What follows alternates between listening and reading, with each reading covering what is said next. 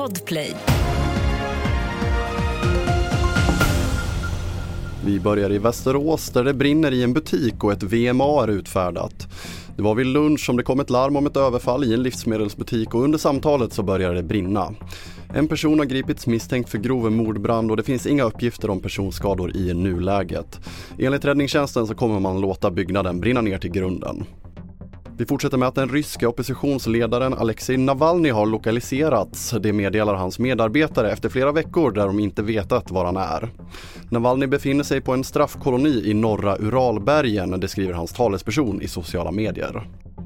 Och regeringens mål om att alla i Sverige ska ha tillgång till stabila mobila tjänster där de normalt befinner sig kommer inte att uppnås i år som det var tänkt.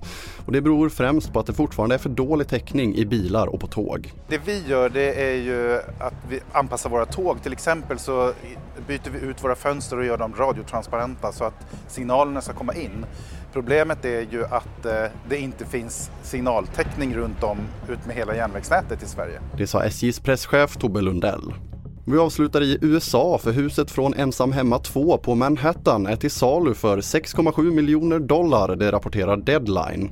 För omkring motsvarande 67 miljoner svenska kronor kan det lyxiga huset på Upper West Side alltså bli ditt. Den välkända filmen som utspelar sig i huset kom 92 och har gjort platsen lika känd. Fler nyheter hittar du på tv4.se. Jag heter André Metenen Persson.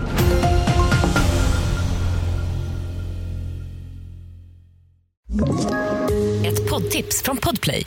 I podden Något Kaiko garanterar östgötarna Brutti och jag, Davva, dig en stor dos skratt. Där följer jag pladask för köttätandet igen. Man är lite som en jävla vampyr. Man har fått lite blodsmak och då måste man ha mer. Udda spaningar, fängslande anekdoter och en och annan arg rant.